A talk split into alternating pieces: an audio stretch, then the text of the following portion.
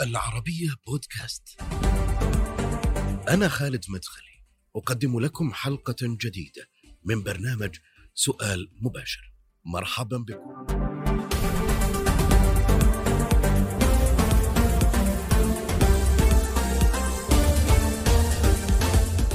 هو أحد المؤرخين المتخصصين في التاريخ السعودي له العديد من الكتب والأبحاث عن الجزيرة العربية والخليج العربي. الدكتور حمد العنقري أستاذ التاريخ في جامعة الملك سعود في سؤال مباشر. حياك الله دكتور حمد كل عام وأنت بخير. حياك الله كل عام وأنتم بخير.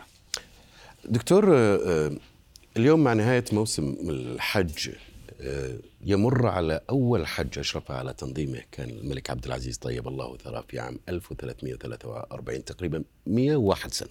101 سنة. حلو. أول شيء خلينا نتكلم عن أهم جوانب عناية الملك عبد العزيز بالحج والمشاعر المقدسة وخدمة الحرمين الشريفين. ما الذي تغير بعد أول موسم حج للملك عبد العزيز؟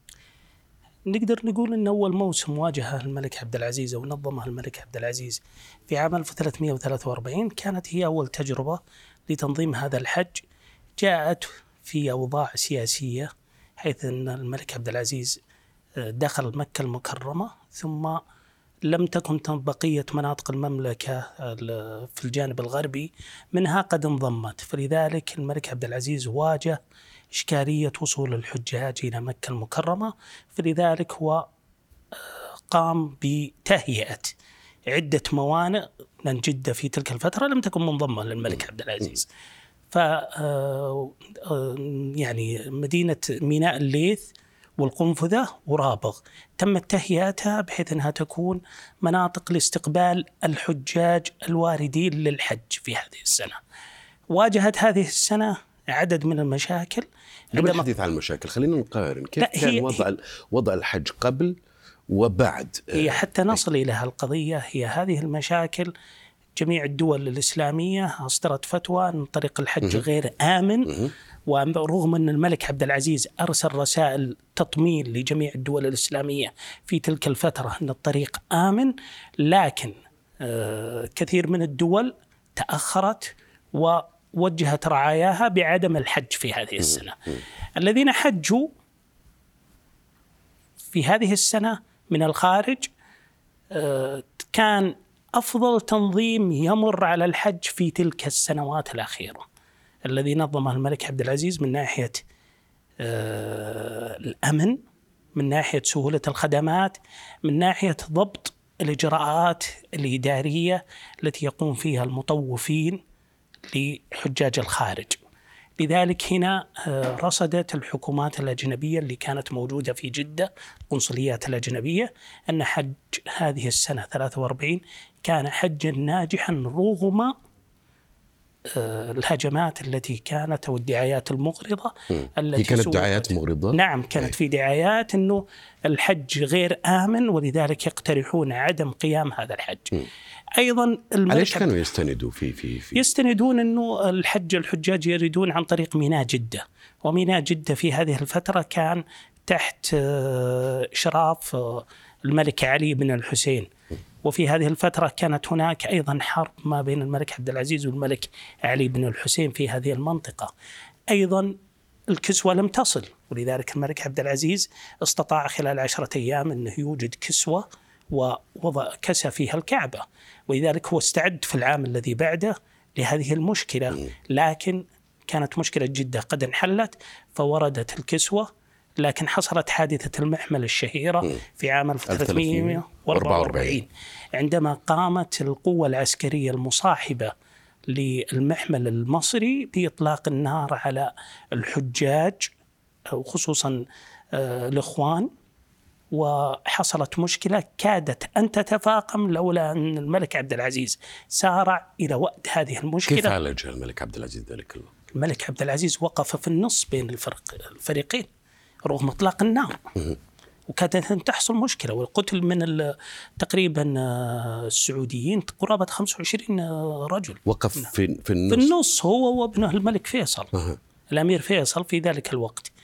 وحاول أنه يهدي الأمور وسحب القوة العسكرية وأيضا سحب الناس وتحمل ديات القتلى.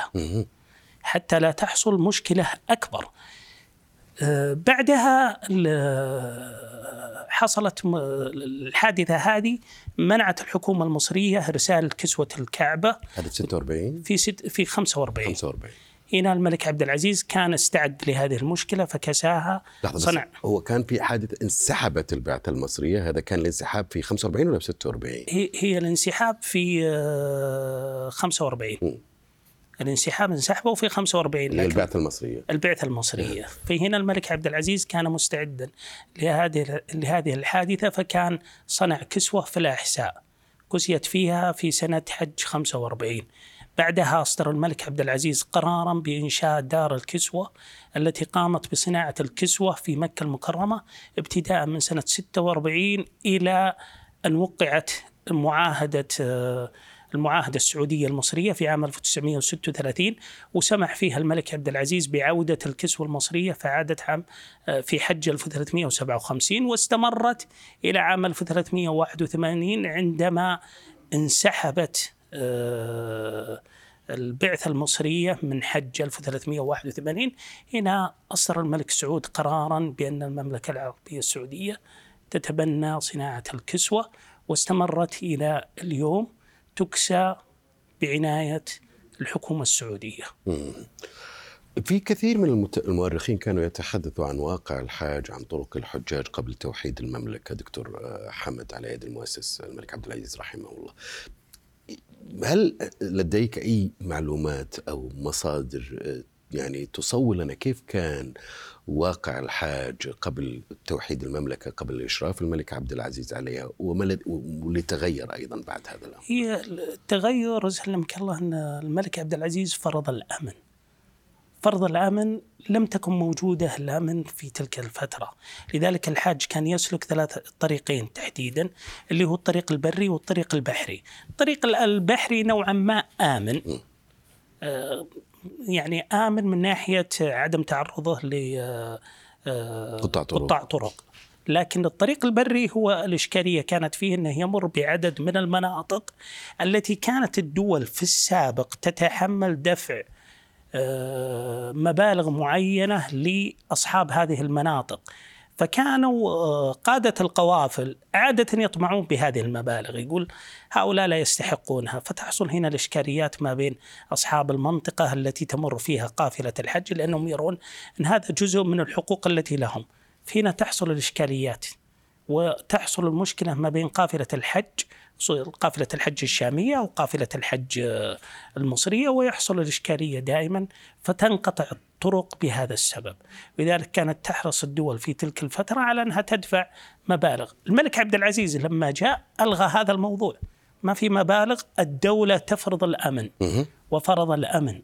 وهنا أصبحت لا أحد يستطيع أنه يأخذ على مروره في هذه المناطق لا يدفع ولا مبلغ. وهنا هنا الفرق ما بين الملك عبد العزيز والسياسة التي قام بها مع الدول السابقة. هو فرض الأمن وأجبر جميع هذه المناطق أن هذه المناطق لا يعني لا يأخذون أموالا على من يمر فيها. هنا أصبحت طرق الحج آمنة وأصبح الحاج في الطرق البرية يستطيع أنه يصل إلى هذه المناطق دون أن يتعرض لأي شيء إلى درجة أنه حتى لو فقد شيء لا يجرؤ أحد على أنه يأخذه. بل أنه إذا اضطر أنه يأخذه يسلمه إلى الجهات هذا الرسمية. كان قبل 25 1925 ميلادي لما أصدر الملك عبد العزيز بيان تعهد فيه نعم الملك عبد العزيز أصدر بيان يتعهد فيه. أن طرق الحج هو مسؤول عنها. كل من يدخل المملكة العربية السعودية في تلك الفترة كان مسماها مملكة الحجاز وسلطنة نجد وملحقاتها ثم أصبح اسمها مملكة الحجاز ونجد إلى أن تم التوحيد آه، وصار مسماها باسم المملكة العربية السعودية. الملك عبد العزيز تعهد كل من يدخل حدود هذه الدولة. هو آمن سيصل إلى المشاعر المقدسة آه، ولن يتعرض له أحد.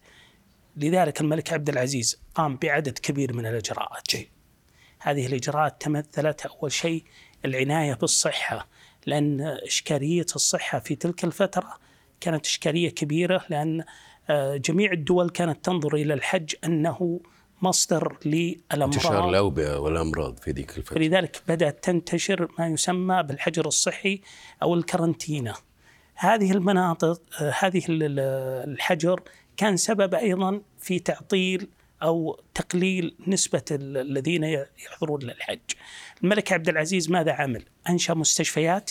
سواء في مكة المكرمة أو في المشاعر المقدسة. أرسل بعثات طبية بدأ يستجلب أيضا بعثات طبية أجنبية. أول آه، بعثات طبية آه، مسلمة. يعني سواء من مصر أو من الدول الإسلامية. آه، أنشأ إدارة أول إدارة للصحة في المملكة العربية السعودية. كانت في مكة المكرمة. فأنشئت إدارة الصحة العامة. هذه الإدارة كانت معنية بالدرجة الأولى بصحة الحاج والمعتمر. آه، أيضا ح- الملك عبد العزيز سعى إلى أن يكون الحج امنا صحيا بحيث أنه ي- يتلافى كل المشاكل التي كانت تستدعي الأمراض سواء كانت قضية طريقة ذبح الحجاج اللي آه، الأضاحي. أو وأيضا آه، النفايات وأيضا جل آه، يعني عملية منع أي أسباب تؤدي إلى انتشار الأمراض هنا بدأ الحج يكون حجا امنا ومنظما أيضا من خلال منظما الملك عبد العزيز أصدر قرار يمكن إيه. أكثر من النا يعني كثير من الباحثين لا يعرفون عن هذه القرارات لأن الملك عبد العزيز طلب من كل الجهات المشاركة في إدارة الحج من الجهات الحكومية أي والأهلية إعداد تقرير يدمج في تقرير واحد يرفع إلى نائب جلالة الملك في تلك الفترة اللي هو كان الأمير فيصل بن إيه. عبد العزيز. يجمع هذا التقرير ثم يرفع للملك عبد العزيز تقرير سنوي عن هذا الحج الإيجابيات السلبيات المشاكل والحلول. ويتم دراستها ويتم ومعالجتها دراستها بعد. ذلك. ثم معالجتها. وهذه التقارير آه، يعني آه، موجودة وكانت مع الوقت في البداية كانت بسيطة ثم أصبحت كبيرة في يعني آخر تقرير أنا اطلعت عليه عام 1370 بعد حج 1370 كان تقريبا التقرير 120 صفحة من جميع الجهات الحكومية ويتحدث بالتفصيل عن كل دقائق واضح. هذا الحج. قبل ما نقفل ملف ال- الحج. أريد أن أعود معك إلى إلى أول موسم الح... أول موسم حج كان 1343 كما ذكرت. بدأ معه في ذلك الموسم وبعد ذلك أصبح سنة حتى اليوم. اللقاء الذي يجمع آه، أو جمع الملك عبد العزيز آنذاك ب- بكبار الوفود من الحجاج بالمثقفين الأدباء أيضا الذين كانوا يحجون من ذلك منذ ذلك الوقت. متى بدأ فعليا هذا اللقاء؟ وهل كان لقاء واحد آه، أم تبعه أو سبقه لقاءات أخرى؟ الملك عبد العزيز درج على لقاءين الملك عبد العزيز كان يحضر إلى مكة قبل الحج بفترة طويلة م. للاطمئنان على الإجراءات التي ستتم تقوم بها الجهات الحكومية لحج هذه السنة. الملك عبد العزيز كان آه، يقيم استقبال قبل العيد للبعثات الرسمية يستقبلهم آه، ويحضرون معه غسيل الكعبة وبعدها في لقاء آخر يكون بعد آه، الحج اللي هو يوم العيد يوم. العيد. إيه؟ يوم العيد أو يوم 11 وكان هناك لقاء على حسب فاللقاءات هذه كانت لقاءات مع كبار الحجاج سواء البعثات الرسمية وكبار الأدباء والمثقفين والمشاهير من العالم الإسلامي الذين يحضرون لهذا وش الحج كان دافع هذا اللقاء؟ اللقاء أول شيء يستمع منهم الملك عبد العزيز لإجراءات الحج في هذه السنة. يستمع أيضا كان يلتقي بالبعض لقاء خاص. فمثلا محمد حسين هيكل في الوحي آه، آه، في منزل الوحي في كتابه ذكر أن الملك عبد العزيز طلب أنه يجلس معه لوحده. وجلس معه وسأله يعني عدة أسئلة. فكانت الملك عبد العزيز يحرص على لقاء الشخصيات والاستماع إليهم ومعرفة هل الحج والإجراءات سليمة؟ هل هناك ملاحظات؟ لأنه في النهاية الجهات الحكومية قد لا ترى كل شيء. الأفراد قد يرون أشياء لا تراها الجهات الحكومية، فلذلك هو كان حريص على أنه يستمع للآخرين من غير المسؤولين لي- ليتعرف على آه، السلبيات بالدرجة الأولى حتى يتم تلافيها. طيب. آه، من ضمن البحوث اللي اللي اللي أصدرتها أيضا وقامت بنشرها مجلة داره الملك عبد العزيز في 1427 هو بحث آه، بعنوان مآل المخطوطات النجدية بعد سقوط آه، آه، الدرعية. تحدثت فيه عن عدة آه، آه، نقاط. أنا أريد أن أسألك بداية قبل الحديث عن المخطوطات عن حال الدرعية في في ذلك الوقت يعني. أمين الريحاني وهو أحد الأدباء والمؤرخين المعروفين ضمن كتابه ملوك العرب كان يقول كانت الدرعية منذ مئة سنة أكبر مدينة في الجزيرة العربية. في أيام مجدها مع بن سعود كانت قطب البلاد العرب العربية بعد الحرمين الشريفين. يؤمها العرب من كل قطر قصي للاستنجاد بأمرائها وللاتجار. من عمان ومن العراق ومن مسقط أيضا والكويت والبحرين واليمن كانوا يجيئون للدرعية. ما هي مكانة الدرعية في ذلك الوقت حتى يأتيها كل هؤلاء؟ عندما بدا الإمام محمد بن سعود فكرة تأسيس هذه الدولة آه، استطاع انه يؤسس هذه الدولة من مدي... دولة المدينة إلى الدولة اللي تقريبا إحنا نعيش تقريبا جزء كبير من الأراضي التي كانت تضمها الدولة السعودية الأولى. العاصمة كانت الدرعية. الدرعية أصبحت ملتقى للجميع ففيها ال- الإمام الحاكم اللي عن طريقه يستطيع الفصل في كل القضايا. التي لا يستطيع مثلا أمراء المدن والبلدات التابعة له البت فيها فكانوا الناس يلجؤون إليه. التجار أصبحت الدرعية منطقة اقتصادية مهمة للغاية فأصبح التجار يذهبون إلى الدرعية. قوافل القوافل التجارية أصبحت تذهب إلى الدرعية. أيضا قوافل الحج. هناك قافلة الحج التي تأتي من الشرق إلى الغرب كانت في تمر. تمر. قديما في الدرعية. مع الدولة السعودية أصبحت محطة من المحطات المهمة. أيضا القوافل الآتية من الشمال. أصبحت بحكم الدولة السعودية هي المسيطرة. لابد يمرون على الدرعية فأصبحت الدرعية محطة من محطات قوافل الحج. آه، ولذلك أصبح التجار يذهبون إلى الدرعية للتجارة لأنها أصبحت محطة من المحطات المهمة للقوافل. هنا أصبحت الدرعية من الناحيه الاقتصادية، من الناحيه العلمية، من الناحيه حتى السياسية. محطة مهمة للغاية في الجزيرة العربية. بعد مكة والمدينة المنورة. هذه المكانة آه، يعني البعض آه، كان يشيع آه، في ذلك الوقت بأنه بعض المصادر كانت تشير إلى أنه بلاد نجد ومنها كذلك الدرعية كان ينتشر فيها الجهل والأمية وقلة العلم فهل ذلك صحيح؟ على إطلاقه في مبالغة. م. هي في الأساس الناس كانت يعني تسعى إلى لقمة العيش لأنها أصلا ما كانت في مقدرات كبيرة للناس فكانوا الناس يحرصون على لقمة العيش. هذه تعتبر من الكماليات اللي هي قضية التعليم، لا يحرص عليها إلا أبناء الذوات والتجار. التاجر حريص على أن أبنائه يكونوا متعلمين لأن تجارتهم مرتبطة بالكتابة. إيه. فالتاجر هو من يستطيع أنه آه، والتجار في تلك الفترة كانوا قلة. آه، لكن لا يعني ذلك انه لا يوجد علماء، وجدوا علماء درسوا في خارج الجزيرة العربية مثل الشيخ أحمد بن عطوة الذي يعتبر مفتي أنت أشرت ديار إلى أحمد بن إيه. عطوة. وأحمد بن عطوة أيضا جاب مجموعة كبيرة من المخطوطات من الشام. أصبح مصدر للعلماء الحنابلة في وسط الجزيرة العربية. آه، شيقر كانت منطقة مهمة جدا. في آه، معظم قضاة نجد كانوا معظمهم من بلدة شيقر لأنها بلدة علمية بامتياز.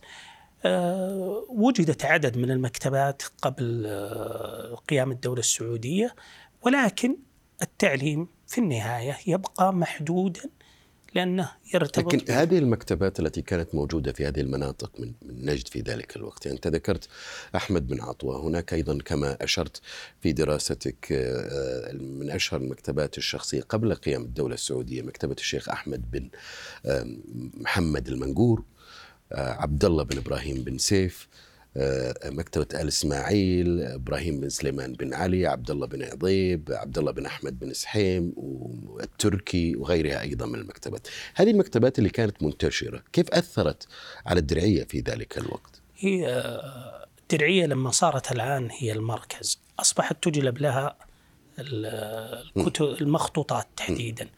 بعد وفاة أي عالم تباع تركته. من ضمن التركة كانت المخطوطات. فكان المخطوطات الناس تحرص على بيعها تبيعها في الدرعية لأن الدرعية هي السوق الكبيرة.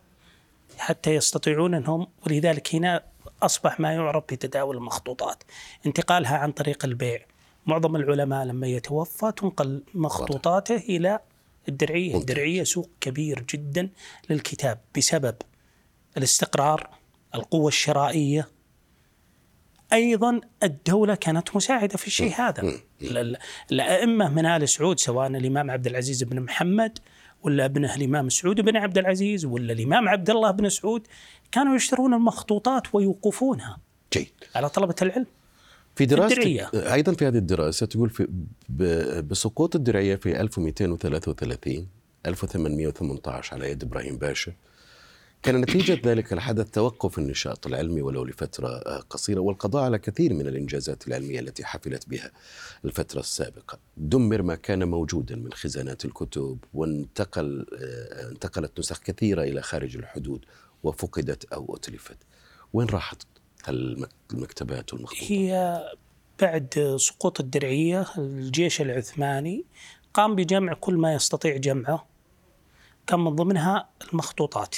جمعت هذه المخطوطات ما استطاعوا حملة معهم أخذوه الذي لم يستطيعوا جمعه قاموا بإتلافه وإحراقه. جمعت آه، ما نقل جمع في المدينة المنورة وبقي في المدينة المنورة إلى أن كتب محمد علي باشا إلى السلطان العثماني يستأذنه في ماذا يعمل بهذه الكمية الكبيرة من المخطوطات المجلوبة من الدرعية. فوجه السلطان محمود الثاني أنه إنشاء مدرسة في المسجد النبوي أطلق عليها المدرسة المحمودية وضعت هذه المخطوطات ولا تزال هذه المخطوطات موجودة إلى اليوم آه، ضمن المكتبة المحمودية التي هي الآن موجودة ضمن مجمع الملك عبد العزيز الوقفي في المدينة المنورة. تقريبا عددها يتجاوز 850 مخطوط تقريبا لا زالت باقية إلى اليوم. أما بقية المخطوطات فجزء منها بقي بأيدي الأهالي وبق وجزء منه تلف بسبب الحروب بسبب بسبب الحرائق بسبب آه الظروف يعني البيئية. وجزء منه نقله كل جيش يرتبط معه مجموعة من الملتحقين سواء المرتزقة أو غيرهم. كانوا ياخذونها هؤلاء استطاعوا أنهم ينقلونها إلى أماكن أخرى. فوصل بعضها إلى القدس وبعضها وصل إلى الإسكندرية كما أن إبراهيم باشا نعم. استأثر على جزء من هذه المخطوطات ونقلها معه وقام بها مكتبة له في الإسكندرية عرفت بمكتبة إبراهيم باشا. الآن انضمت فيما بعد ضمت إلى مكتبة بلدية الإسكندرية ثم الآن ضمت إلى مكتبة الإسكندرية. فجزء من مخطوطات الدرعية الآن موجودة في مكتبة الإسكندرية. أيضا لك دراسة بعنوان عناية خادم الحرمين الشريفين الملك سلمان بالمخطوطات آه، آه، أيضا. يعني ما هي أهم الجوانب التي كان يعتمد عليها آه، الملك سلمان؟ الله يحفظه يعني في عنايته بالمخطوطات بالعلم بالمكتبات والكتب بالمعرفة بشكل عام والثقافة الملك الله يحفظه في جميع اللقاءات الصحفية معه. يعني منذ توليه في بداية آه، إمارة مدينة الرياض. أول ما تولى في عام 1300 و73 بالنيابة عن أخوها الأمير نايف آه، كانوا كل من يلتقون به من الصحفيين العرب أو من الصحفيين العاملين في الصحافة المحلية كان من ضمن الأسئلة التي يسأل عنها اهتمامه بالقراءة ماذا تقرأ؟ فكانوا يعرفون أن الرجل كان قارئ وكان يبحث عن الكتب وكان له عناية حتى في سفراته الخارجية سواء في الإجازة أو في مكلف في مهمات كان يحرص على اقتناء الكتب. فلديه مكتبة ضخمة جدا ومعظمها هو مطلع عليها وقارئ فيها. آه، تجد هذا في آه، لقاءاته مع عدد من المثقفين أو في سؤالاته للمؤرخين معظم المؤرخين. كان يتصل عليهم الله يحفظه ويسألهم أسئلة تدل على فهم. في التفاصيل. في التفاصيل. ليست أسئلة عامة. أسئلة يقرأ, يقرأ كتابك ثم يسألك عن معلومات في الكتاب بالتفصيل. فالرجل كان له اهتمام. هذا الاهتمام الشخصي انجر على اهتمامه الإداري. فمكتبة الملك فهد لو كان المشرف عليها شخص غير الملك سلمان الله يحفظه ما أظن المكتبة ليش؟ وصلت. لأن الملك كان يتابع أعمالها بشكل يومي. يذكر لي الدكتور يحيى محمود بن جنيد اللي هو الأمين الس- الأسبق لمكتبة الملك فهد أي. أنه كان يتابع معه الملك الله يحفظه باليوم. أعمال المكتبة والإجراءات والتزويد وكان حريص جدا على أن تكون كل الخطابات يوجه الخطابات لجميع الجهات الحكومية بتزويد هذه المكتبة بكل ما آه، تحتاجه من كتب ومطبوعات. ولذلك انصب اهتمامه على جهتين. كانت مكتبة الملك فهد بالدرجة الأولى ثم تلتها إشرافه المباشر على دارة الملك عبد العزيز ورئاسته المجلس إدارتها. يعني يكفيك تتخيل أن الدارة لما أشرف عليها كانت لا تحتوي إلا على 26 مخطوط فقط لا غير. اليوم تجاوزت السبعة آلاف مخطوط ومتوقع أنها تصل إلى عشرة آلاف مخطوط. ومخطوطات كلها كتبت داخل إطار الجزيرة العربية وهذه برضه لها قيمة و... لها هي مخطوطات نوعية ومخطوطات كلها معظمها من مكتبات العلماء وطلبة العلم في الجزيرة العربية وجزء منها مكتوب في الجزيرة العربية قد تكون بعضها مكتوبة في الخارج ولكن تملكوها هؤلاء العلماء فهي جزء من هذه المكتبات تستطيع أنك تعرف. كيفية المحتوى الثقافي لهذه المنطقة من خلال مكتباتهم جيد. الحديث معك مشوق لكن للأسف الوقت انتهى. أنا أشكرك شكرا جزيلا. على تواجدك معي دكتور حمد العنقري. شكرا على متابعتكم لنا في سؤال مباشر. دائما أيضا يمكنكم متابعتنا كذلك على مواقع التواصل الاجتماعي تويتر فيسبوك يوتيوب ومشاهدة هذه الحلقة والاستماع إليها.